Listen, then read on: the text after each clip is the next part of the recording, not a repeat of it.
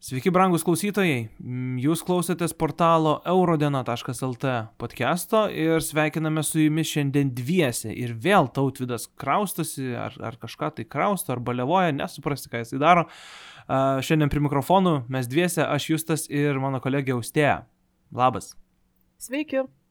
Žiūrėjom vakar PIN laidą, e, žiūrėjom Norvegijos atranką. Uh, praėjusią savaitę visos ir Suomijos dainos paaiškėjo, tai visą tai šiandien mes ir aptarsim, ir logotipas paaiškėjo, ir šūkis, na žodžiu, tikrai e, daug naujienų, nors tų atrankų kaip ir dar nedaug šeštadieniais vyksta, bet tikrai veiklos yra, tai man atrodo per daug e, įžangoms e, laiko negaištame, einam tiesiai prie reikalo ir aišku, numeris vienas reikalas tai yra pabandom iš naujo. Um, rašėm jau savo portale, kad, na, visiškai toks vaizdas, kad pakeitė atrankos paveikslą, pabandom iš naujo šitą laidą. Aš irgi manau ir sutinku ir su kolegomis ir šiaip su na tokia bendra nuomonė viešoje erdvėje, komentarais, kad na šita laida, pabandom iš naujo, tikrai buvo žymiai, žymiai stipresnė iš, už E, kitas dvi. Ir aš esu visiškai tikras, kad nugalėtojas irgi pasirodė šiose, šioje būtent laidoje. Na, neįsivaizduoju nieko iš kitų dviejų laidų laiminčių, kai šioje laidoje matėm tokius, na, arba stiprias dainas, arba stiprius pasirodymus, arba tokią stiprią Lolita Zero. Ne, negali nei daina, nei pasirodymų to pavadinti, turbūt tai yra absoliutus fenomenas. Tai bandykime eiti e, iš eilės, bet e, pradžiai austėja, koks tavo bendras įspūdis apie vakarykštę laidą? Na, primenu, kad įrašinėjom mes sekmadienį, klausotės jūs turbūt pirmadienį arba kitą kokią savaitės dieną, bet austėja, koks bendras tavo įspūdis apie trečią pabandom iš naujo laidą? Tai pirmiausia, tikrai sutinku ir su tavim ir su visais, kad e, tai yra žymiai stipresnė laida nei pirmas dvi. Čia, manyčiau, dauguma tokią nuomonę turi, taip manyčiau, tikriausiai ir laimės būtent iš šios laidos. Nors galbūt galima čia paspekuliuoti šiek tiek, kad galbūt sudėta specialiai taip, kad uh, netrodytų kaip uh, kažkokie konkurentai, pažiūrėjau, tai, pažiūrėjau, kas Erika Jennings ar Jeva Zasimauskaitė, kurios laimėjo ankstesnės laidas, galbūt, pažiūrėjau, jeigu netikėtai kažkaip laimėtų prieš šios laidos lyderius. Nu, ta prasme, kad pavyzdžiui, kaip ankstesniais metais pastebėjom, kad, kad buvo lyg ir sudėta į skirtingas laidas tam tikri favoritai ir atrodo vienas yra favoritas, bet e, paskui pamatom, kad, pavyzdžiui, komisija labiau palaiko tuos galbūt, kurie lyg ir iš kurių mažiau tikimasi.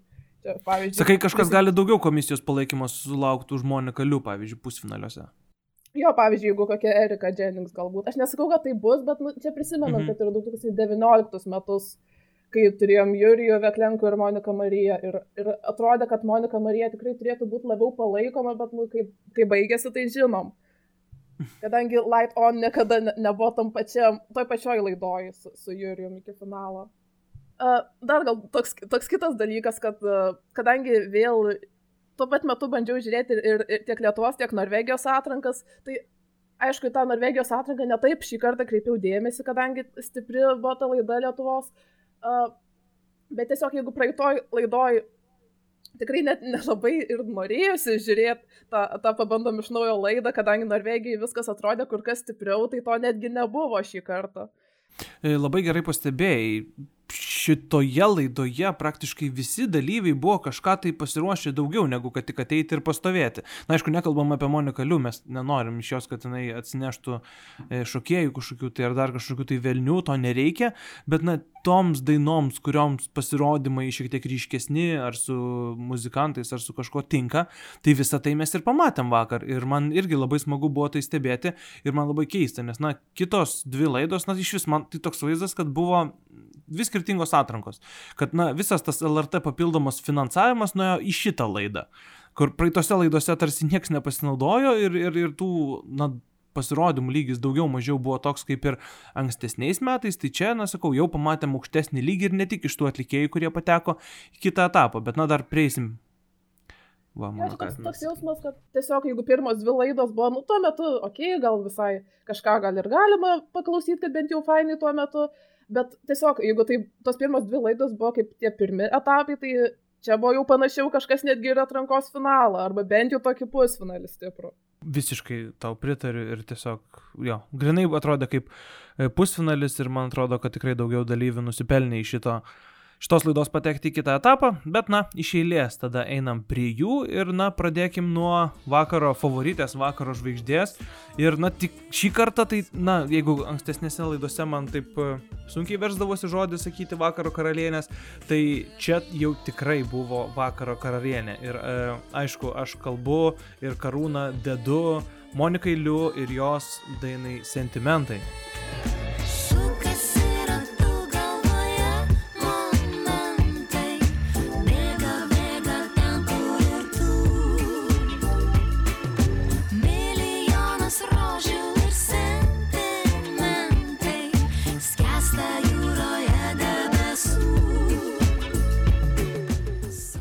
Atsimeni, pasakojau, kad uh, įsliukinau į LRT studiją pasižiūrėti šito jo. pasirodymo, nes tikrai labai laukiau šitos atlikėjos dainos ir, ir, ir pamatęs ir sužinojęs laiką, kada ji bus studijoje, dirbdamas LRT negalėjau to praleisti tiesiog. Tai tada žiūrint studijoje, bet aišku labai sunku vertinti, nes stovėjau aš ten tiesiog už kamerų toks, na, nepasislėpęs, bet, bet pusiau kažkokiuose tai užkulisiuose ir klausiau, mačiau, nebuvo tokio stipraus uh, nugalėtojo vaibo iš jos būtent studijoje, bet uh, vakar atrankoje mm, Monika jau matant tą vaizdą pilną per televizorių, matant kaip atlikėjai jaučiasi scenoje. Man labai striko vienas komentaras, kurį mačiau, kad e, kiti atlikėjai ateina į sceną pasirodyti, o Monika Liu scenoje atrodo gyvena tiesiog ir kaifuoja. Ir nu šitas tikrai labai jautėsi. Ir jeigu mes sakėm, kad pirmoje laidoje jautėsi, kad Erika Jennings buvo e, gerokai lygių aukštesnė už kitus atrankos dalyvius, kad antroje laidoje gerokai aukštesnį lygį parodė Jeva Zesimauskaitė jau kaip atlikėja, čia apie dainą, sakykime, nekalbant. Tai Monika Liu, ji parodė, kad ji yra aukščiau iš vis šitos atrankos lygio, man atrodo, pagal savo charizmą, pagal savo degančias akis, pagal savo judesius, už, užtikrintumą, akių spindėsi tokį uh, daug aš čia detirambo, aišku, galiu pasakyti, neslėpsiu, Monika Liu yra absoliuti mano favoritė ne tik šio vakaro, bet ir visos atrankos. Turiu pastabų e, ir pasirodymui, beje, e, man vakar taip žiūrint, truputį kibo tas, kad kamerų darbas atrodo toks nesutvarkytas truputėlį ir jeigu, pavyzdžiui, LED ekranuose pasirodymas labai gražiai ir labai įdomiai prasidėjo, ta tokia auksinė šviesa, tarsi iš, iš e, studijos galo, kaip ir apšviečiant Moniką, ir tikrai buvo toks vaizdas, kaip ir e, kažkas minėjo, lyg ly, kažkokio tai seno filmo, tai paskui man taip nepatiko iš tikro e, tas vaizdas ekranuose, spalvos keitėsi pastoviai, ten visokių tai kažkokių tai neiškių figūrų, man atrodo, kad viskas truputį paprasčiau galėtų būti ir tas minimalizmas kažkaip jai, jai tikrai gerokai veiktų, negu, sakau, ten tos besikeičiančios spalvos visą laiką. Man, mane tiesiog blaškė turbūt truputėlį. Ir kamerų darbas toks, negali sakyti, kad blogas buvo, bet nu, lengvas balaganas, man atrodo, buvo. Tai aš visiškai suprantu ir per daug nepykstu, nes akivaizdu, na, kad atlikėjos komanda, manau, kad jie žino, ką jie daro ir jie supranta, kad pirmoje laidoje nebūtina atskleisti visų kortų, e, ypač kai tu turi, na, tokią stiprią atlikėją ir tokią stiprią dainą ir, nu, tikrai niekasgi nebejojo, kad Monika pateks į kitą etapą, bet, nu, aš noriu tikėtis, kad e, jeigu ne pusfinalyje, na, vėlgi galiu pasakyti, kad pusfinaliai bus filmuojami pirmadienį ir antradienį, tai yra vos dvi dienos po trečiojo e, atrankos etapo, uh, Tai gal iki pusfinalio per daug ir nespės ką pakeisti, bet, e, bet tikiuosi, kad finale tas pasirodymas jau bus toks, na, nušlifuotas deimantas.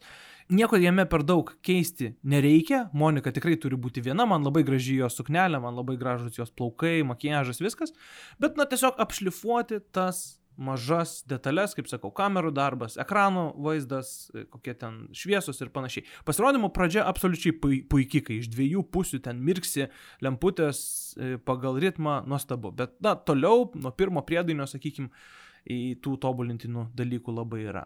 Austė, tau Monika Liu, e, mes kai vertinome visas dainas ir beje kviečiu už, užsukti į mūsų YouTube paskyrą, kas dar nematėte, ir pažiūrėti mūsų įvertinto e, atlikėjų top 18, tu, e, Monika Liu, įvertinai neprastai, bet iš visų mūsų berots prasčiausiai. Ko tau trūksta šioje dainoje, atlikėjoje ar šiame pasirodyme? Tai gal pradėčiau nuo pačios dainos.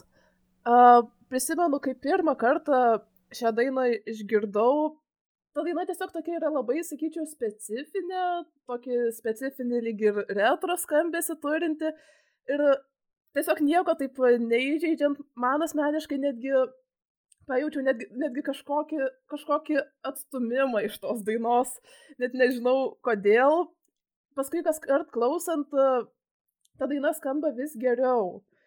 Iš esmės tikrai labai kokybiška daina, bet vis dėlto yra tam tikri niuansai, kurie galbūt kad tiesiog nesinori klausyti jos tiek daug, kiek galbūt kai kurių kitų dainų. Aišku, pati atlikėja Monika Liu yra visiškai nuostabi, turi tikrai nuostabų balsą, nuostabią charizmą, uh, šitais atžvilgiais turbūt visi kiti dalyviai turbūt jai nusileidžia. Ir man atrodo, pažiūrėjau, kalbant apie pasirodymą, tai man iš tikrųjų šiek tiek trūko, galbūt kažkokių vizualizacijų kitokių, nes iš esmės tam pasirodymė pati atlikėja tikrai nuostabiai pasirodė ir, ir tai, apie ką iš esmės gal ir reikėtų kalbėti, bet tai, kas buvo galbūt jau ne jos valė, ar, ar, ar apšvietimas, ar kamerų darbas, ar kiti dalykai, tiesiog nelabai neturiu ką pakomentuoti, galbūt tiesiog tai nebuvo visiškai sutvarkyta du dalykai man šovė į galvą, tau bekalbant, tai apie tai, kad dainą norit klausyti ar nesinori klausyti, tai aš prisipažinsiu, kai tik tai išėjo Spotify šita daina ir, ir, ir YouTube, aš klausiau jos tiek, kad man nuo jos pasidarė bloga, tai paskui penktadienį, šeštadienį nebeklausiau visiškai, tai dabar jau kažkaip lyg ir at, at, atgavau savo jau tą buvį, kaip ir turėtų būti. Um, o kitas dalykas, aš bandau įsivaizduoti tą pasirodymą, kokiu dar detalių jame galėtų būti. Ir viena mintis kilusi, tai yra toks, na, kaip kabareto kažkoks tai ale stilius, kur galbūt kokia Monika gal galėtų turėti kokią tai plunksną už, už ausies užkištą ir, ir aš taip įsivaizduočiau ją prie kokio uh, nežinau, baro, bet kai pradedu apie tai tik tai kalbėti ir galvoti, tai iškart prisimenu 2019 m. Airijos pasirodymą, kur ten gulėjo ant baro. Jo, ir tada pagalvoju, kaip galima labai lengvai nusipiginti, bandant kažką tai tokio padaryti. Tai nenori, nesinori tikrai atitraukti dėmesio man nuo Monikos ir nuo dainos, tai net nežinau. Um, Tikiu, kad šiaip, nu, Monika vis tiek turi aplink save tikrai stiprią komandą ir aš manau, kad jie galbūt kažkaip tai ir išsiaiškins ir, ir sugalvos tą geriausią variantą. Dar trumpai apie tai, jeigu apžvelgti, kaip Monika vertina e, Eurovizijos gerbėjai, kaip vertiname mes, tai jau, ta, jau, jau mano minėtame top 18 mūsų Eurodienos Monika kartu su kita atlikėja užėmė pirmą vietą ir mes turėjom pagal Eurovizijos taisyklės e, pirmą vietą skirti tai, kuri užėmė, e, kuri gavo daugiau 12 balų įvertinimų, tai būtent buvo Monika Liu. Ir šiaip, na, lietuviai matosi, kad labai mėgsta šitą dainą ir labai jie džiaugiasi, jau trendina YouTube. Um, aš ir šiaip ir iš kitų žmonių aplink mane, ne, su kuriais įprastai Eurovizijos neaptarinėjau, jie man rašo, sako, kaip tau Monika, man labai patinka, bet čia galbūt su dėlietuvių kalbos, gal kažką tai, na, tokie pokalbiai e, visur vystosi, bet jeigu pažiūrėtume, kaip fanai vertina, mm, galima ir neapsidžiaugti, nes pavyzdžiui, My Eurovision Scoreboard programėlėje Monika Liu užima šeštąją vietą e, Lietuvos atrankos balsavime. Mm, virš jos yra Gintarė Korsakaitė, Augustė, Jeva, Gebrasi ir Ruta Lup. Tai Šiaip manęs nestebina, kad Eurovizijos gerbėjai per daug gerai nevertina šitos dainos, tu kaip ir sakėjai, ji yra labai specifinė. Bet aš visgi būčiau linkęs turbūt rizikuoti, labai noriu lietuvių kalbos Eurovizijoje, labai noriu Monikos Eurovizijoje, nes jos charizma ir su jos bendravimu su žmonėmis ir, ir su žurnalistais, man atrodo, mes tikrai gautume daug gero ir smagaus dėmesio ir man net ir nerūpėtų labai, kaip mes pasirodytume tenai, tik tai, nu, baisu gal truputį būtų, kad jeigu kartais kaž, dėl kažkokių tai priežasčių nepasisektų, kad vėl mes kencelintume lietuvių kalbą ir dabar jau ne 20, turbūt 50 metų. Visiškai sutinku su tuo. Nors tikrai būčiau irgi labai už lietuvių kalbą Eurovizijai. Mhm. Tvarkoj, tai einam tada prie nelietuvių kalbos Eurovizijoje, einam prie antrosios vietos e, praėjusioje laidoje.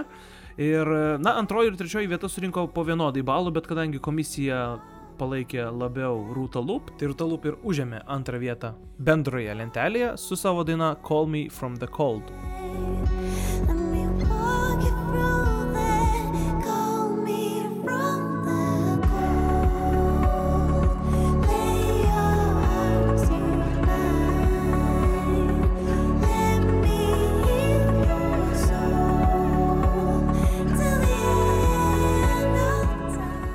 Austėja, tu e, skyriai Rūtai pirmąją vietą. Papasakok, kuo tave taip sužavėjo ši daina ir šis pasirodymas. Visų pirma, tai pati daina yra visiškai nuostabi. Aš pamenu jau, jau tada, kai išgirdau uh, dainos ištrauką, kurią, kurią Rūta Lūp pasidalino savo Instagram istoriją. Uh, iš karto labai patiko, labai gražiai nuskambėjo. Kai pirmą kartą išgirdau pilną dainą, tai irgi la- labai užkabino ne vien tik ta pati frazė priedainio, kurią jau girdėjau anksčiau, bet ir, bet ir visa daina tiek instrumentalas, tiek vokalinė linija, viskas yra labai išdirbta ir visiškai jokių, jokių priekaištų pačiai dainai neturiu. Girdėjau žmonių, kurie sakė, kad galbūt reikėtų kažkaip patobulinti tą dainą, kad skambėtų dar geriau, bet man atrodo, kad, kad nieko visiškai jai nereikia.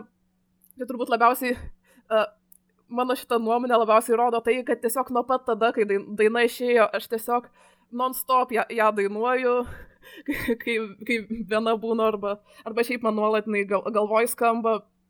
Tiesiog turbūt, gal sakyčiau, netgi ypač va po pasirodymo, kuris labai buvo stiprus, tiek, tiek vokaliai, tiek vizualiai išdirbtas.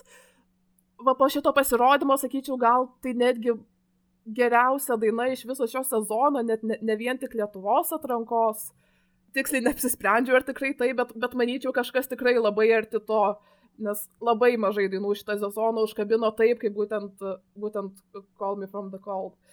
Uh, dar kalbant apie pasirodymą, tai va būtent kai aš sakiau apie Moniką Liu, kur pati atlikėja yra, yra tikrai nuostabi ir išpildė tą pasirodymą, tai būtent Rūta Lūp yra nuostabi atlikėja, tačiau pats pasirodymas vizualiai irgi atrodė visiškai išpildytas.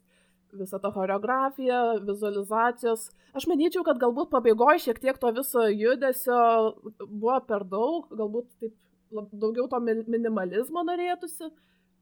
Bet iš esmės labai viskas gražiai atrodė ir, ir ta daina netgi kitą lygį dar pakėlė. Tai tiesiog visiškai sužavėta likau tiek daina, tiek pasirodymu. Mhm.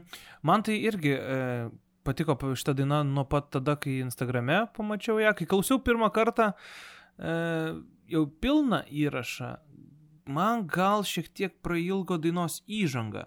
Um, ir ypač ta vieta, kur jau, aš net tiksliai atsimenu į čia rašiau, 1 minutė 05, kur jau atrodo, kad toj bus e, priedainis, bet dar, dar 10-15 sekundžių prisideda. Man kažkaip pirmus kartus taip ta vieta kliuvo, dabar aišku jau pripratau, bet, e, na ir yra tų tokių truputį niuansėlių. Ir dar kalbant apie pasirodymą, tai aišku, akivaizdžiausi dalykai buvo tie, kad, na, kamerų darbas, apšvietimas kai kuriuose vietose ne iki galo buvo suderintas ir sureguliuotas, bet, na, reikia aišku nepamiršti, kad atlikėjai prieš įrašant pasirodymus m, atrankos scenoje parepetuoja, na, tik tai turbūt geras 20 minučių.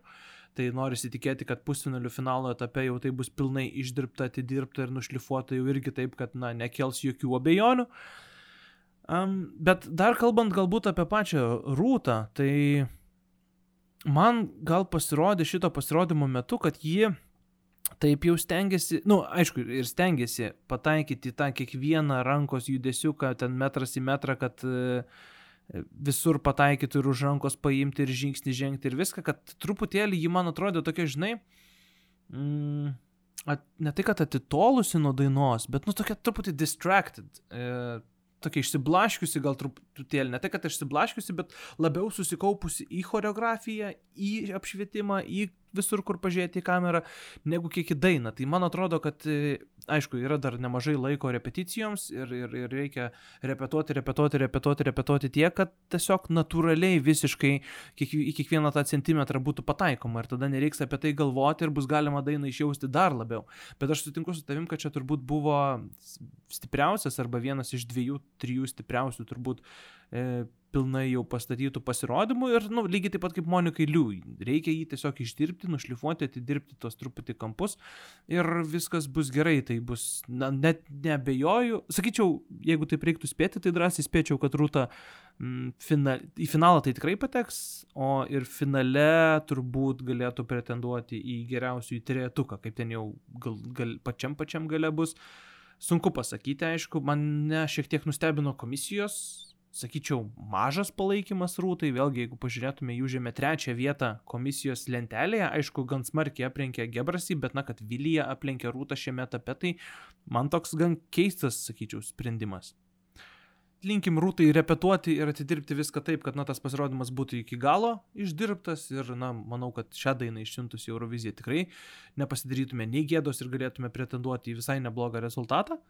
Um, trečioje vietoje, trečioje vietoje, jos didenybė, karalienė. E, karalius ir karalienė. E, beje, mes vakar, kai, kai galvojom, kaip atnaujinti apklausą mūsų portale, ir ten, na, buvo labai labai vėlyvus vakaras, pirmą, antrą nakties ir, ir galvojam, kaip čia sudėti, na, visų 18 dalyvių neįtrauksim į apklausą, tai, na, galų galę nusprendėm klausti tik apie trečią laidą, bet viena iš idėjų buvo, e, nu, aišku, nejokingų idėjų visiškai ir, ir, ir tiesiog tokių absurdiškų, tai maždaug klausti, na, kas yra jūsų atrankos favoritas? E, vaikinas, mergina ar Lolita Zero? Tai apie ją dabar ir pakalbėkim. Lolita Zero, I'm not your mother. Bitch, doesn't matter. I'm not your mother.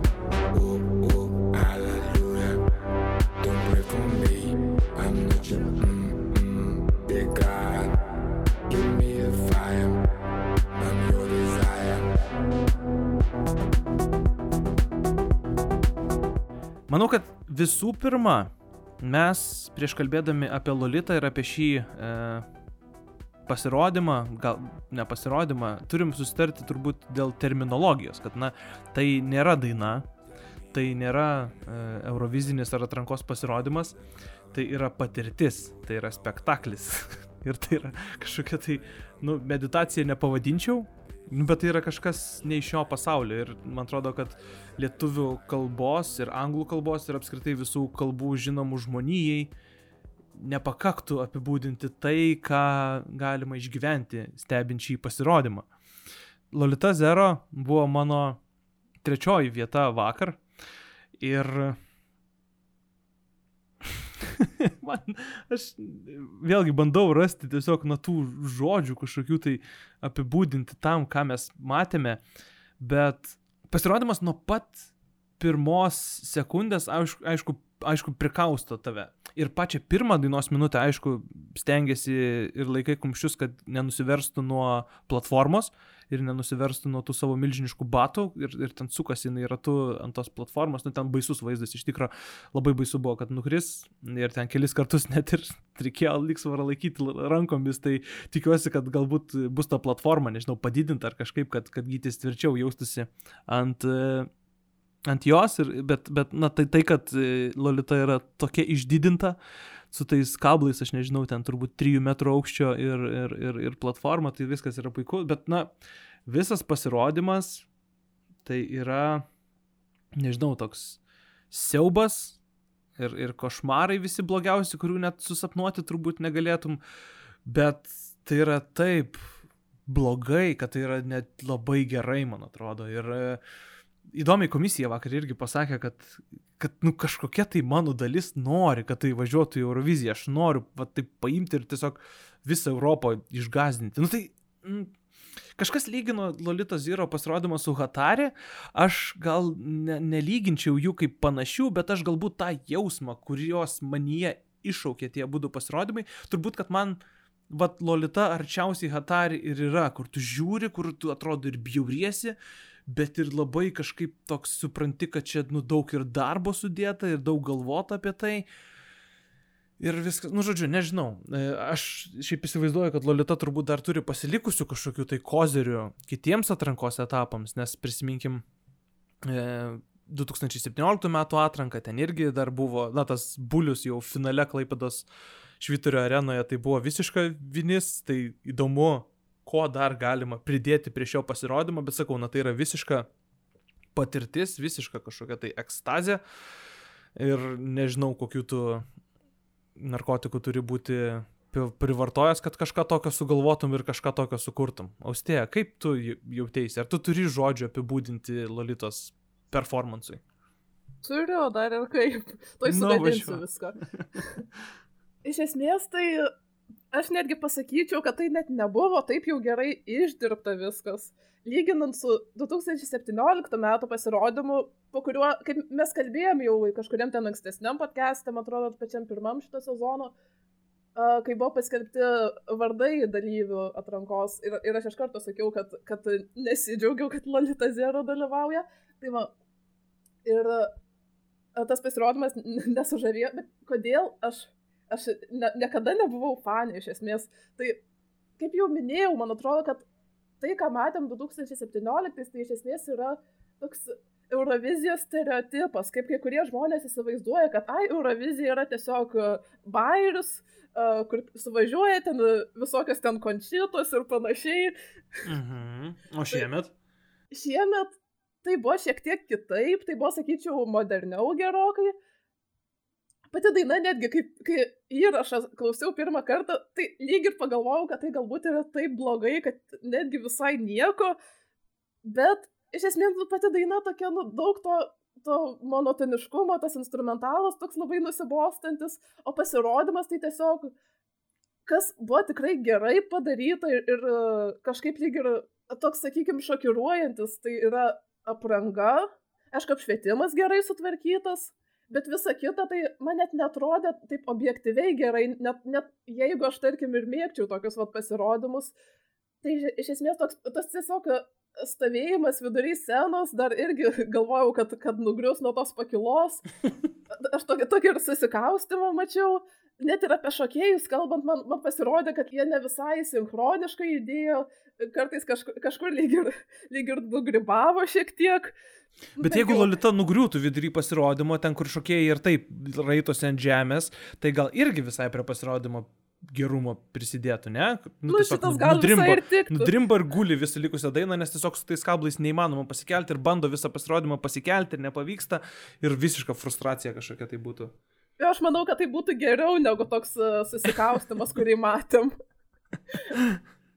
Bet tai gal nepavadinčiau to gal susikaustimu, nu, bet man, man tai atrodo, kad tai yra visiškai apgalvotas dalykas ir, ir, ir planuota yra. Net ir tas visas, nes, nu gerai, sinchronas šokėjų gal turėtų būti geresnis, bet jisai tokiam experience'ui gal jisai ir tinka, ne?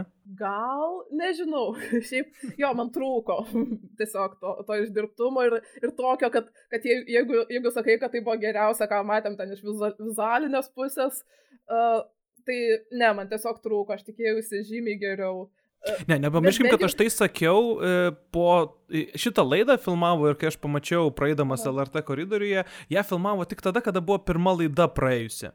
Tai, nu, už pirmos, lyg, lyginant su pirma laida, tai tikrai čia buvo, nu, next level shit, ne?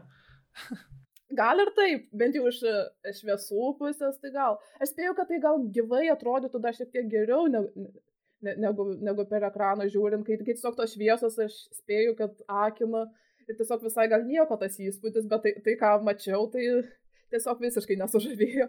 Aišku, taip, čia ne, negaliu per daug stumt, e, Gytis Ivanauskas yra talentingas žmogus, kad jis sugalvojo tokią idėją, manau, visai yra neblogai. Bet sakau, aš tiesiog visiškai... Ne, Tu dabar pasakėjai, kaip tai gyvai atrodytų ir aš pagal, pabandžiau įsivaizduoti, kaip aš esu arenoje tarp 15 kokių tūkstančių žmonių ir va tai groja. Nu, man atrodo, būtų fantastika. aš sumokėčiau 20 eurų, kad galėčiau nueiti ir vieną šitą dainą Siemens arenai pilnai paklausyti. Arba Kauno Žalgirio arenai. Ir ne, manau, kad nesigailėčiau. Nusakau, tai kažkas tai labai unikalaus, įdomaus ir, ir, ir kaip tu gal irgi gerai pastebėjai. Taip blogai, kad net labai gerai. Bet aišku, nemanau, kad Eurovizijoje tokiam pasirodymui pasisektų, bet man būtų vis tiek, aš nepykčiau, jeigu išvažiuotų Lolita. Aš negaliu patikėti. Aišku, gaila būtų tų atlikėjų, kurie tiek ruošiasi ir, ir kurie tokias geras dainas turi, Rūtos ir Monikos, bet, nu, būtų toks, net, net ne, kaip, kaip žinai, kaip anksčiau sakydavo komisija, kad e, maždaug spjūvis į veidą, čia net nespjūvis į veidą, čia aš nežinau, čia, čia būtų... Čia, aš sakau, aš tiesiog neturiu žodžių tam, kaip, kaip, kaip tai atrodytų Eurovizijoje ir ko, kaip paskui Lietuvą įsivaizduotų žmonės, kai mes kažką to... Net, na, aš nežinau, aš irgi bandžiau pagalvoti, kas Eurovizijoje yra arčiausiai galbūt kažko tokio buvę. Nu, aš nesugalvoju. Nu, garso prasme, gal man kažkiek primena, šiek tiek, bent jau Jotkalnyje, kokiu 2013, kur ten tie astronautai vaikščiojo ir, ir, ir, ir, nu, toks irgi ir balaganas buvo, bet kaip ir moderniai ir viską. Nu, bet nieko panašaus nėra buvę. Ir jeigu, kaip kažkas sako, kad e, Vat būtent taip Eurovizija čia visi ir įsivaizduoja. Nu tai įsivaizduoja tai taip, bet jeigu rasti pavyzdį kažkokį, ar tu, tu, tu tau šauna kažkas į galvą, kas galėtų būti nu, panašu į, į Lolita, Lolita Zero? Nu, arčiausiai tai man atrodo būtų 2006 ar 2007 tie visi bairiai, tokie kaip e, Verkas ar Dučka arba Drama Queen. Nu jo, jo, nu čia galbūt ir galima būtų taip sakyti, tik tai, nu, visiškai tai yra perkelta į 21, dainų, 21 metus, nes, nu, ta daina yra vis tiek, nu, turinai labai tokį stiprų modernumo jausmą. Tai nežinau, aš dabar pagalvojau, žinai, kai mes pernai, kai apie Moldovą labai daug išsiplėsdavom, tai dabar ir apie Lolitą labai daug išsiplėtėm, bet, nu, kai tai, kai tai yra tai, tai aš manau, kad galima apie tai ir daugiau pakalbėti. Bet gerai, palikim Lolitą jau iki pusfinalio bent jau žiauriai laukiu iš tikro kitų pasirodymų ir sakau, ką jie dar bus prigalvoję. Bet dabar keliaukim prie ketvirtosios laidos vietos ir tai būtų Gebrasi ir daina Into Your Arms.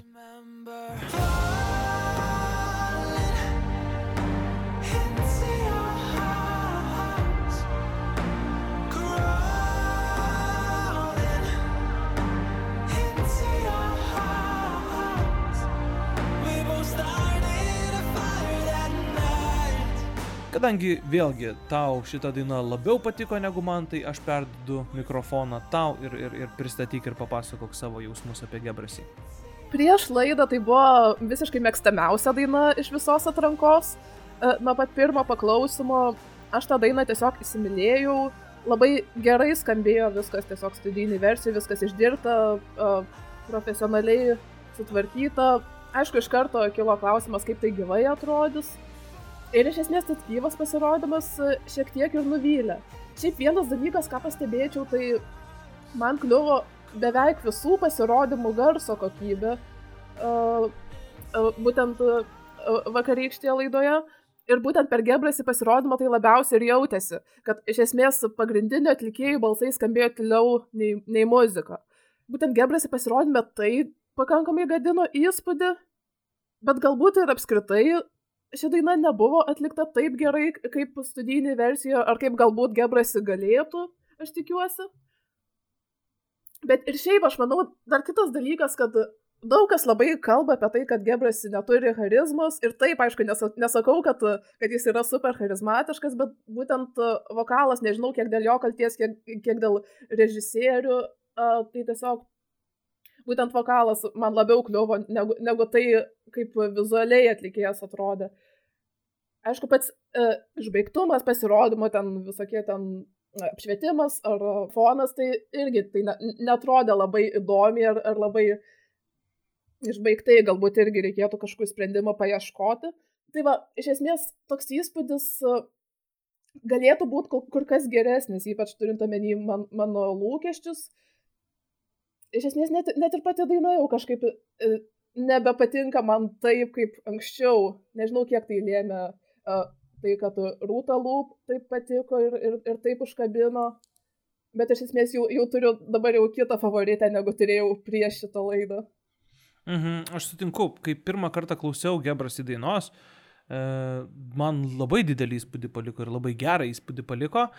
Bet kažkaip su laiku, vat, ir, ir Rūtai paskelbus dainą, ir jau tada Monikos dainai pa, pa, pa, pakilus į viešą erdvę, man kažkaip va taip ir nublanko Gebras. Ir dar labiau jisai nublanko ir vakar, kur, kur ne tik Monika Rūta man jį užstojo, bet man net ir Lolita Zero buvo. Na, sakau, vėlgi, čia terminologija labai svarbu yra. Da prasme, nei tai ta daina yra geresnė, nei tai tas pasirodymas turbūt yra geresnis, bet bendras įspūdis man Lolito Zero buvo didesnis ir geresnis. Mm. Kalbant apie Gebrasį, tai daina tikrai yra nebloga, bet pavyzdžiui pasirodymas, tai nu, aš tikrai įsivaizduoju, kad nežinau, ar, ar, ar patys atlikėjai siūlo apšvietimus ir visus kitus dalykus, ar LRT bent jau pirmose etapuose tai kūruoja, bet na, man panašu buvo kad visas tas pasirodymas buvo kuriamas pagal tai, kaip maždaug 2017 atrodė Bulgarijos pasirodymas, kai Kostovo Beautiful Mess. Man atrodo pasiimta, vat, nes ir spalvos tokios pačios, ir, ir, ir, ir na, net ir aš dabar, kai kažkaip jau su, būtent žiūrint pasirodymus, man net ir daina dar labiau pasirodė panaši Beautiful Mess. Nu ir, ir nežinau, nu, jo, nepasidarytume gėdos kažką tai tokio išsiuntę, bet dabartinėme atrankos kontekste jau man atrodo, kad, nu, tiesiog yra geresnių dainų, dėl to ir, ir, ir, ir, pačio gebrasi mes taip gerai nebevertinam.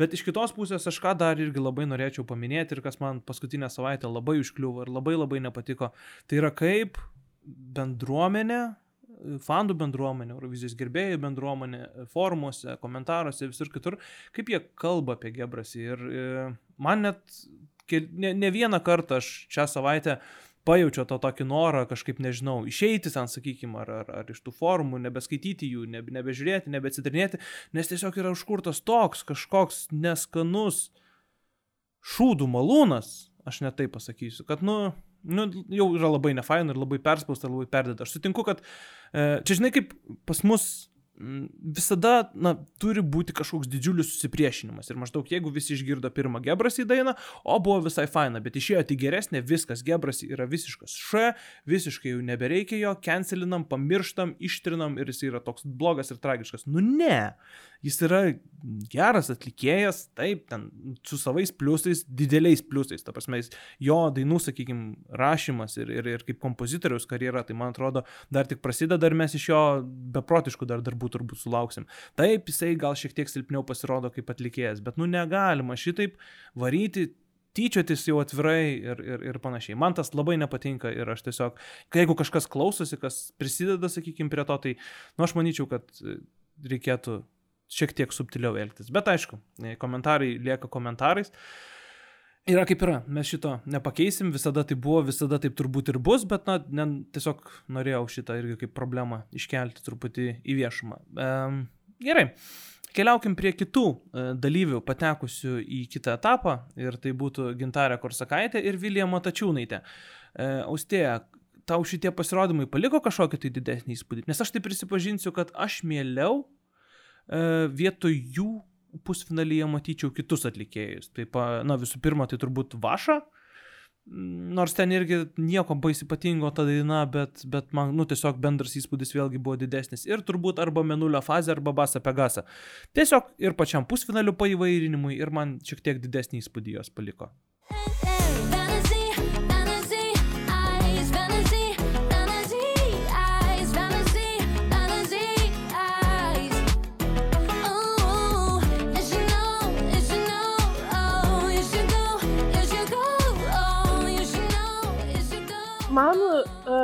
gintarės pasirodymas ir daina tai buvo iš esmės kažkas ant ribos tarp tos uh, šeštos vietos ar, ar galbūt septintos, aštuntos, kad uh, iš esmės gal ji visai ir verta to pusfinalio, bet uh, lygiai taip pat galėtų ir, ir kai kurie kiti, kiti atlikėjai patekti tą pusfinalį, ap- apie kuriuos dar pakalbėsiu šiek tiek.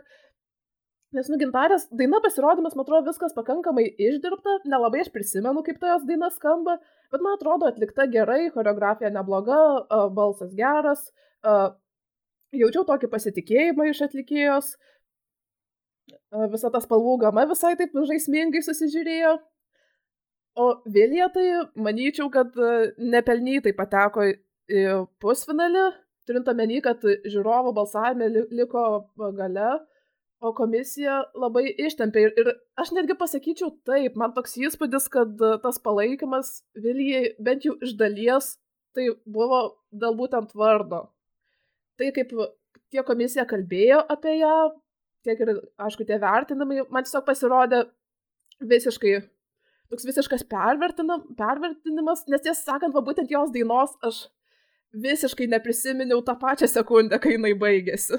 Bet žiūrėk, jinai iki nuo 2014 metų nekartą jau buvo grįžusi į atranką ir nekartą, man atrodo, neperžengė pirmo barjero, tai to palaikymo anksčiau kaip ir, nu, nebūdavo.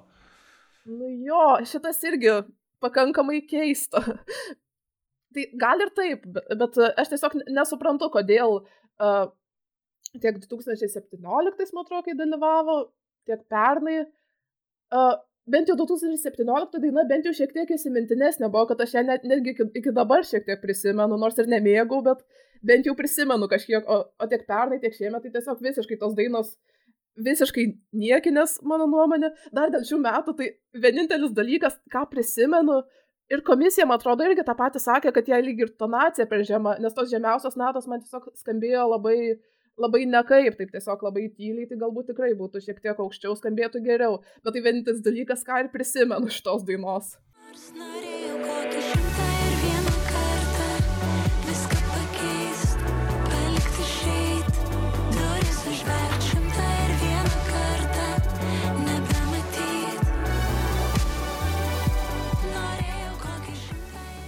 man tai šiandien jau klausant Vilijos dainą, tas įspūdis buvo šiek tiek geresnis.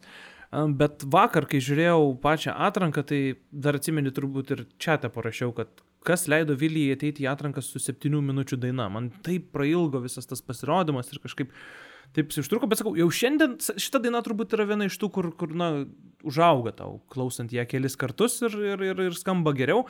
Aš ją net gal kažkuriuo tai metu įsidėčiau į savo playlistą, paskui gal ir išmeščiau, nežinau. E, Ji nesakyčiau, kaip tu čia taip jau griežtai pasakėjai, kad niekinė daina. Nėra bloga daina ir aš ypač vertinu tai, kad ir lietuvių kalba jie atliekama ir, ir tas bitas gal ir neblogas visai, bet na, kad komisija ją pastatydama į antrą vietą pervertino, tai absoliučiai. Nu ir dar vienas dalykas, ką aš išskirčiau vakar, iš, iš vakar laidos ir, ir, ir ką jau minėjome ir savo redaktorių verdikte, tai kad na, nuo antro iki devinto pasirodymo numerio pasirodė vienos atlikėjos ir arba su šokėjais, arba be šokėjų, ir arba gulėjo ant scenos, arba negulėjo. Tai irgi labai keistas e, sprendimas išdėstymas jau šalia to, kad apskritai šitas atrankinis vakaras buvo žymiai stipresnis už bet kurios kitus, tai dar ir jame pačiame kažkaip man tas vidurys taip jau prailgo, aš taip laukiau Monikos Gebras į Lolito Zyro ir net šiek tiek menulio fazės, kad, kad, kad nu, prailgo man. Gerai, tai gal su trečia laida tiek, laukia dar aišku du pusfinaliai, finalas, bet austėja, jeigu reiktų tau dabar spėti, kas laimės atranką, koks būtų tavo spėjimas? Mano tai spėjimas būtų Monika Liu. Man atrodo, pakankamai akivaizdžiai ir laimėjo šitą stiprią laidą ir palaikymo daug turi, tai jeigu ne, ne, ne kažkokie netikėtumai, tai manyčiau tikrai Monika Liu. Aš irgi dar galvočiau, jeigu, žinai, pavyzdžiui, būtų komisijos balsavime vakar Monika Liu surinko 58 balus, o Ruta Lup surinko 43. Jeigu, pavyzdžiui, tas skirtumas būtų žymiai mažesnis, aš gal matyčiau Rūtą Lup dar konkuruojančią. Um, žiūrovų balsavime gali, aišku, patriukšmauti Lolita Zero, Zero, net nežinau, vieni vienaip sako, kiti kitaip.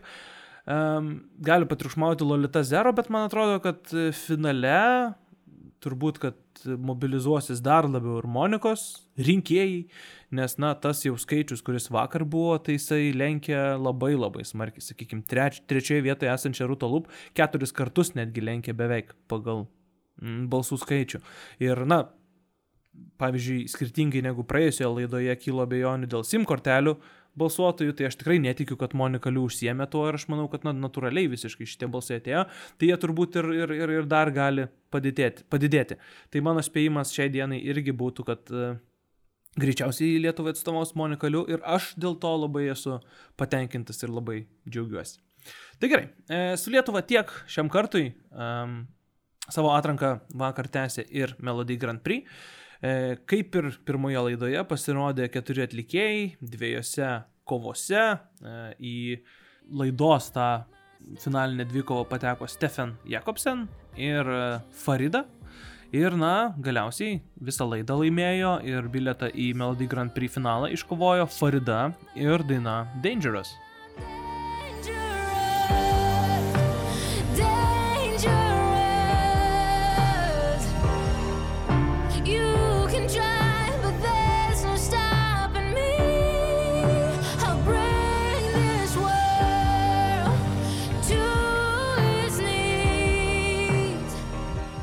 Žinai, kas su šita daina yra, man ji lyg ir patiktų, bet e, man kas kiša koją, žinai, gal kaip tau yra su Gebrasi ir su Ruta Lup, taip man turbūt čia Norvegijos atrankoje yra su Farida ir Elsie, e, kur Elsie Bay kur dainos turbūt yra panašios, viena iš jų man yra žymiai stipresnė ir, na, tiesiog ta kita daina tada jau visiškai kažkaip praranda savo aktualumą.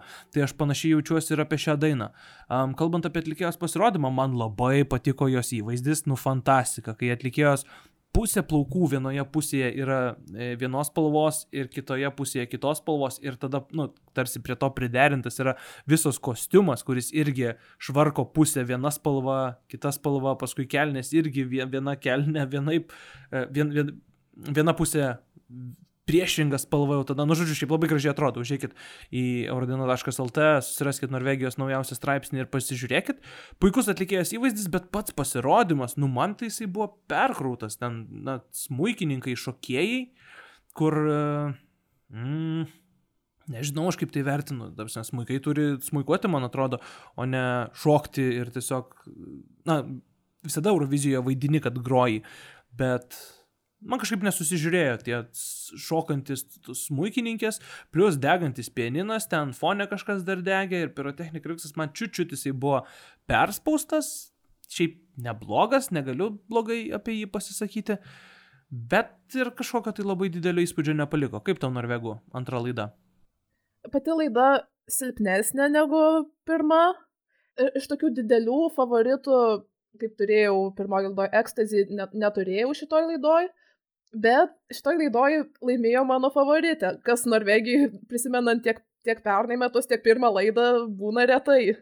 Daina Dangerous viena iš e, mano favoričių, ne taip kaip LCB arba, arba ta pati ekstazį, e, bet tikrai labai graži baladė, kuriai galbūt trūksta šiokio tokio sprogimo gale, tokio, kad visiškai išneštų ir taip jau paliestų. O kalbant apie pasirodymą, tai visų pirma, tai sutinku, kad nuostabus įvaizdis ir visos tos spalvos tiek e, fone, tiek ir, nu, ir toj pačioj aprangoj. Dėl to, kad perkrautas pasirodymas, tai gal šiek tiek, bet man taip labai ir nekliūna. Labai viskas, man atrodo, gražiai padaryta ir, ir paruošta ir aš gal net ir nelabai ir keiščiau, nu gal tie smuikai galėtų šiek tiek taip santūriau, bet tik tiek, manyčiau, labai, labai geras pasirodymas. Atlikėjos vokalas neblogas, bet šiaip lyg ir norėtųsi man dar stipresnio vokalo, lyg ir drebėjo jos balsas šiek tiek. Uh, čia, pavyzdžiui, man netgi toks, uh, kai kuriuose vietose netgi pradėjau savo galvoje lyginti su Ulrike ir Attention, kuri buvo mano favoritė visos Eurovizijos 2020 metų, kad būtent vokalo norėjosi galbūt tokio stipraus, kokį turėjo Ulrike, bet to nebuvo. Tai Mhm. toks pastebėjimas. Jo, šiaip geras pastebėjimas ir tie smaikai kažkaip yra tų panašumų, iš tikrųjų aš net nebuvau pagalvojęs. Um, bet vat, būtent Ulrike turėjo į tokio klasiškumo kažkokio. O va čia sakau, nu man truputį per daug. Tas degantis pieninas, dega gale ten, smaikai šalia šoka, dar paskui pirotechnika visa. Vat, vat ir pritrūko šiek tiek to subtilumo. Tai, na žiūrėsim, galbūt tas pasirodymas kažkiek dar pasikeis. O taip pat vakar galėjome išgirsti ir dar vieną automatinį finalistą, tai yra Christian Ingebrigtsen e, su daina Wonder of the World.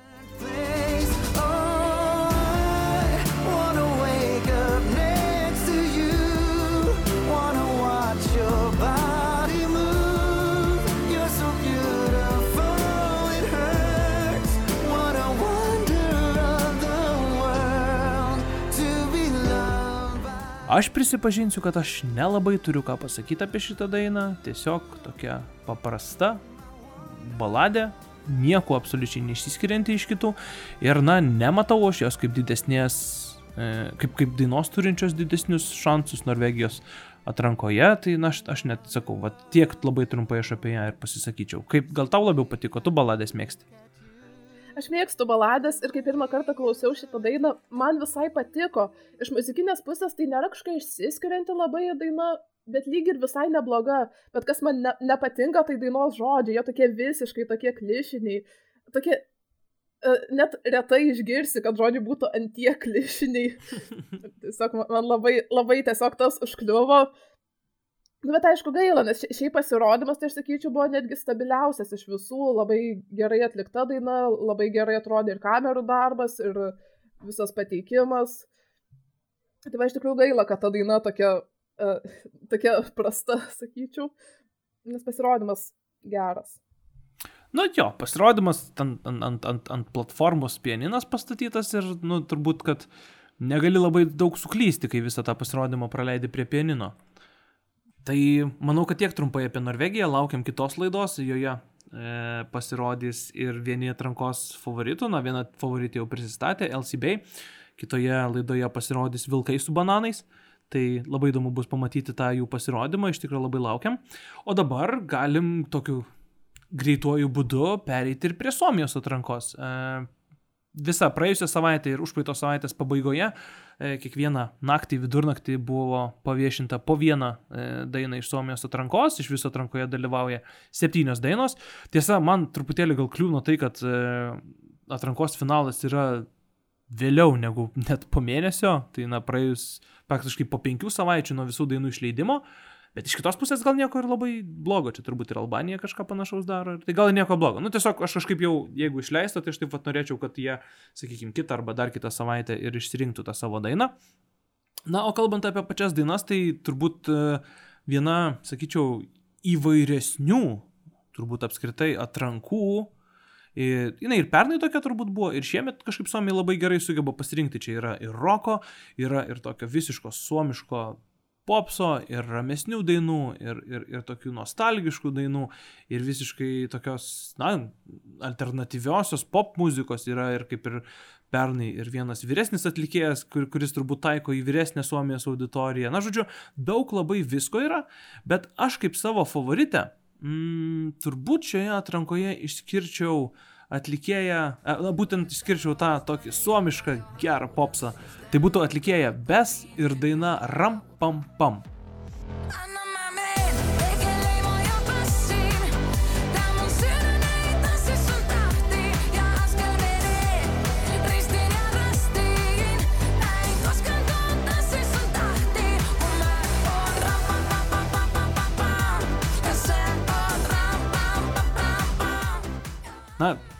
turim jau mes ir kitą dainą, e, šiaip labai populiarią su tokiu pavadinimu. Um, ir su, su, su, ku- ku- kuri, tarkim, kelia kažkokias tai iliuzijas būtent į tą dainą, bet šita daina, žinai, man jinai labiausiai turbūt primena Čičioliną 20 metų, kuri man irgi labai patiko, na, toks tikrai smagus kūrinys. Šiaip yra ir kitų gerų dainų. Nė- Nėra labai tvirta mano favoritė šita daina. Aš gerai vertinčiau ir CN Kicks, Hurricane, ir ta pati Olivera, Thank God I'm an Atheist. Bet kažkaip šitos dainos pastebėjau, kad klausau turbūt dažniausiai, tai nusprendžiau jai skirti savo pirmą vietą. Neįsivaizduoju absoliučiai, ar jį turi šansų laimėti. e, Pagal lažybininkus tai ne, nes lažybininkų visiškai favoritai yra Rasmus, kurių dainos aš nemėgstu, prisipažinsiu, tai tokia man apie nieką ir jokia ir, ir, ir nu, visiškai nejaučiu malonumo jos klausydamas. O rampampam, nu tai rampampam, bet ir rampampam tai viską ir pasako.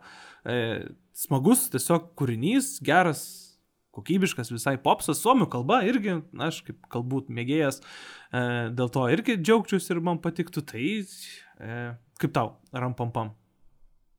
Jo, man irgi labai patiko, labai užkabinanti daina nuo pat pirmo paklausimo. Uh, vakar visą dieną galvoj skambėjo. Nėra mano favoritė atrankos, mano trečioje vietoje yra ši daina. Bet taip, visai geras pastebėjimas ir, ir su Čičiolina.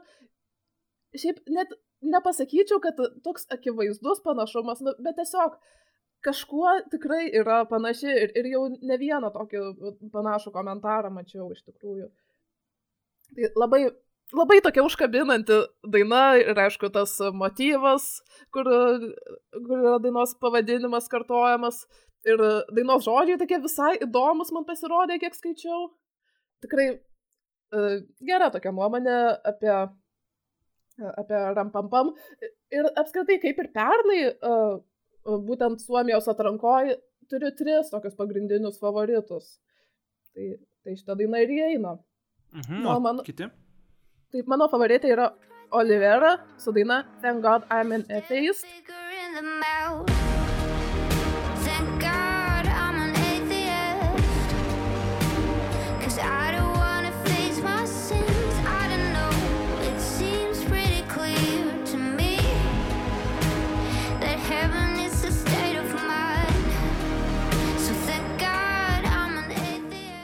Labai įdomi daina, sakyčiau, tokia, tokia labai tamsi. Šiaip, aišku, aš esu baladžių mėgėja vėlgi. Tai kas labiausiai užkliuvo, tai dainos žodžiai. Man atrodo, tai tokia galbūt ne tiek žinutė, kiek, kiek toks labiau samprotavimas apie, apie gyvenimą, apie egzistenciją. Toks biški minčių kratinys. Ir žinai, dabar aš ką dar pagalvojau, labai va tokia dabar gimė mintis, tiesiog noriu ją pasidalinti. Įsivaizduok, Eurovizija. E, pasiro, ir, ir, ir sakykime, pirmas pusfinalis, pirmo pusfinalio atidarimas pasirodo Lolita Zero su I'm Not Your Mother ir po jos ateina Olivera ir dainuoja Thank God I'm an Atheist. Nu tai būtų visiškas freak show. Visiškai čia geriau ne, negu, negu kaip pernai turėjom uh, uh, Suomiją su Blind Channel ir po to Jendriką su I Don't Feel Hate. Jo, ar, Man ar tai atvirkščiai gal buvo, man atrodo, pirmą gal Jendrikas, paskui Suomija. Nu, bet tiksliai čia netaip svarbu jo. E, mano e, topė Olivera užima antrą vietą, tai aš irgi gerų žodžių minėsiu šią dainą. Um, jinai, e, žinai, jinai nėra kažko tai labai unikali ir, ir, ir pavyzdžiui, ta ir visa melodija man kažkiek primena e, kitas populiarias dainas radijose šiuo metu, šiek tiek jinai man primena Uh, galbūt Witch Woods iš pernai Nor Norvegijos atrankos, šiek tiek jinai man balsu primena galbūt Kerli iš, uh, iš Estijos, kai jinai dalyvavo su My Spirit Animal. Tai, na, tai Tai yra įdomus toks, palyginimas. nu toks, bet panašu yra, ar ne? Ar įdomus iš blogosios pusės? Man tai visiškai ne, nepanašu. Tarsi, nu, pačiu balsu, balso aukštumu ir, ir tokia dainos tamse, kaip ir kažkokia tai melodija, nu, kažkuo, va, taip man šiek tiek šviečia. Tarsi, nesakau, kad tai yra panašu, bet, va, nu, taip klausai ir pirmą kartą klausant, ypač aš tai va, pagalvojau. Tai gera daina. Mm, sakau, džiaugiuosi aš dėl jos. Dar ko nepaminėjome, tai turbūt uh, Aizėja Ksenė ir, ir, ir jos suomiškos dainos Kūma Jaba, tai nežinau, jos gal čia mes neleisime, bet aš, man jinai irgi visai patinka, toks mm, suomiškas weekend prototipas, tai irgi nebloga visai daina. Tai šiaip tai tikrai labai labai visiems rekomenduoju. Užeikite į Eurodieną, atsidarykit Suomijos straipsnį ir paklausykit, na, visas, arba galite Tomi Lantinen turbūt neklausyti. visas Suomijos. Paklausykit visų ir susidarykit savo nuomonę. Na jo, paklausykit visus, susidarykit savo nuomonę. E, ne, neblogas tikrai bus finalas turbūt, bet aš ne, ne, nedrįščiau spėti, kad kažkas tai iš jo gali kažkokią tai, na, pretenduoti, sakykime, pergalį Euroviziją. Turbūt, kad ne. Turbūt, kad į, Suo... Turbūt ne. turbūt į Suomiją 2023 mes nevažiuosim, bet e, jo, bendras vaizdas puikus. Na ir ką, liko dar vienas dalykas neaptartas šios savaitės Eurovizijos padangėje ir tai yra logotipo paskelbimas ir šūkio. Tai na, tikrai jokinga istorija, kas nežinot, tai panašu, kad e, turėjo pirmadienį, o gal ir antradienį, skirstant šalis į pusfinalius, turėjo būti paskelb, paskelbtas naujas logotipas ir visas, e, visa vizualika artėjančios Eurovizijos, bet kažkas turbūt prastai padarė savo darbą ir e, penktadienį visojame turine buvo iškabinti baneriai, vėliavos, reklaminiai stendai ir kiti dalykai su tuo šūkiu ir su, su ta vizualika. Na ir tuomet jau Eurovision.tv turėjo patvirtinti šitą naujieną, na jie paskelbė, nieko prie to neprirašė, maždaug daugiau informacijos pirmadienį, jau visi ten penktadienį turbūt baliavojo, savaitgalis laisvas, viskas aišku.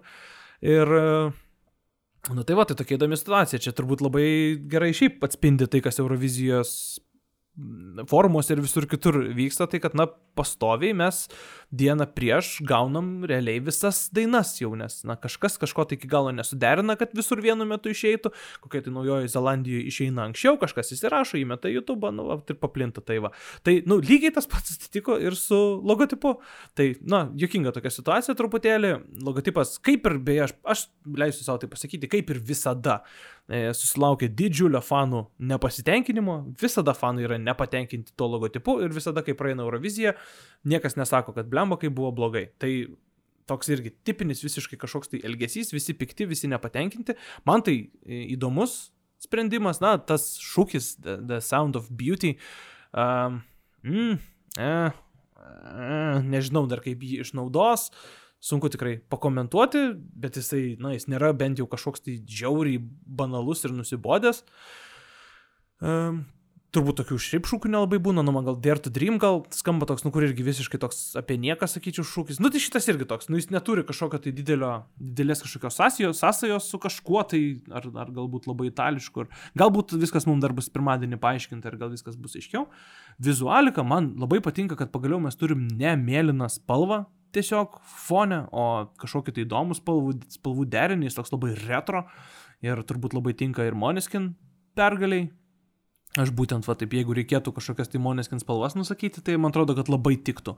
Būtent šitas toks žalsvai rusvas, rudas, toks kažkoks tai tas, nu, toks derinys. Tai tas visai man patinka, tai žodžiu, sakau, aš tai šiaip pozityviai vertinu e, visą šitą, nu, tiesiog ten irgi žmonės piktinasi, kad e, Moroccan Oil per didelis logotipas, bet, nu, taigi ne, ne dizaineriai logotipo, ne, ne, ne Eurovizijos atstovai šitus dalykus nulėmė, tiesiog Moroccan Oil skiria tokią milžinišką pinigų sumą, nu, kad ir jų tas logotipas praktiškai kaip ir pačios Eurovizijos užrašas tokio dydžio yra, nu, tai yra nu, normalu šios šiais laikais. Ir, ir krepšinio ir futbolo komandos dabar prie savo vardų arba net persivadina pagal ten visokias sporto lažybų bendrovių pavadinimus ir panašiai. Nu tai jeigu kažkas duoda tiek pinigų Eurovizijai, kad ta Eurovizija gali būti tokia, kokia ji yra, tai aš visiškai nepykstu, kad ir tas pavadinimas kai kuriuose logotipuose būna didelis ir, ir, ir, ir, ir užima nemažą vietą. Tai, nu, tiesiog parsisiųskit į savo ekraną užsklandai tą logotipą, kur nėra.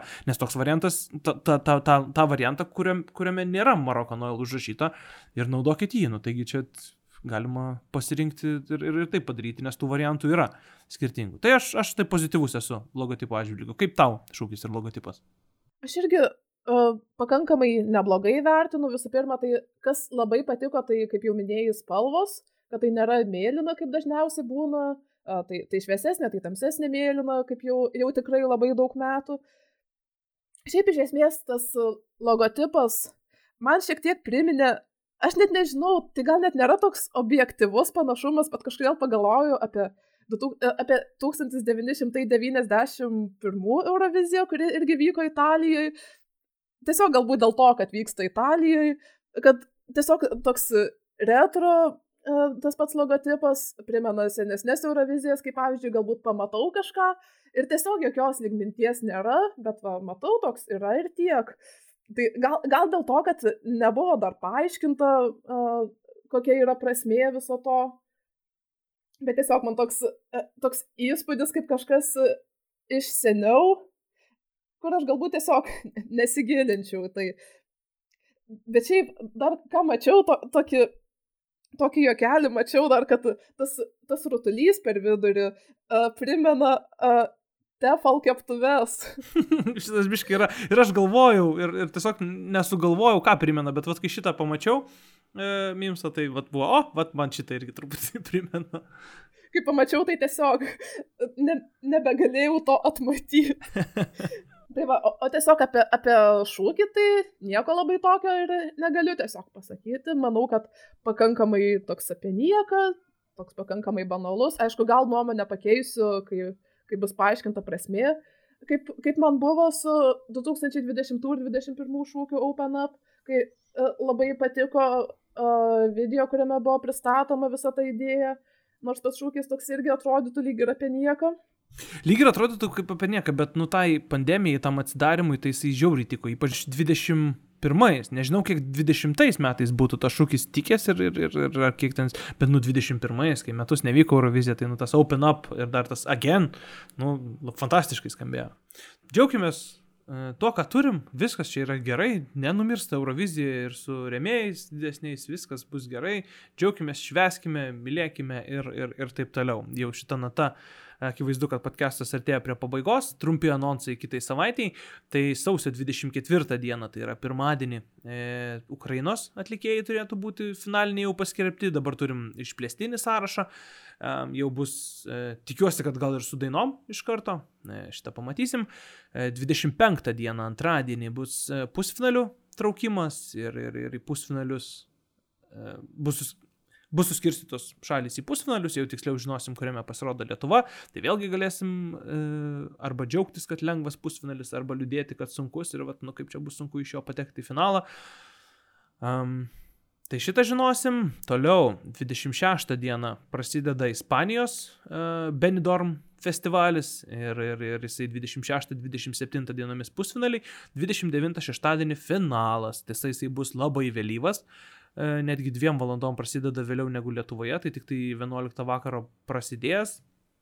Ir, na, žinant ispanus ir, ir, ir kad jų atrankos praktiškai yra panašaus ilgumo dažniausiai kaip ir e, Sanremas, su dar daugiau šnekų ir dar mažiau dainų. Tai, na, jį turbūt stebėti nebus labai lengva, bet pažiūrėsim. Mm, 28 dieną na, Šiaurės Makedonijos dainos turėtų būti išleistos, na, o 29 dieną, e, šeštadienį, vėlgi, kaip ir minėjau, Ispanijos finalas ir tuomet Lietuvos ir Norvegijos atrankos tęsiasi pusfinalis Lietuvoje, trečioji, trečioji atrankinė laida Norvegijoje. Na ir 30 dieną sekmadienį turėtų būti e, X Izraelio X Factorijoje paskelbtos e, dainos, bent jau taip čia vat, e, rašo viename iš, iš, iš kalendorių, tai nesu tikras, kiek čia yra tame tiesos, Izraelis irgi pastoviai mėgsta keisti e, dalykus, tai dar pažiūrėsim dėl šito. Tai tiek šiai savaitai, ačiū labai Jums, kad klausėte ir tikiuosi įdomu buvo, jeigu turit kažkokių pasiūlymų, visada labai laukiam jūsų, jų komentaruose.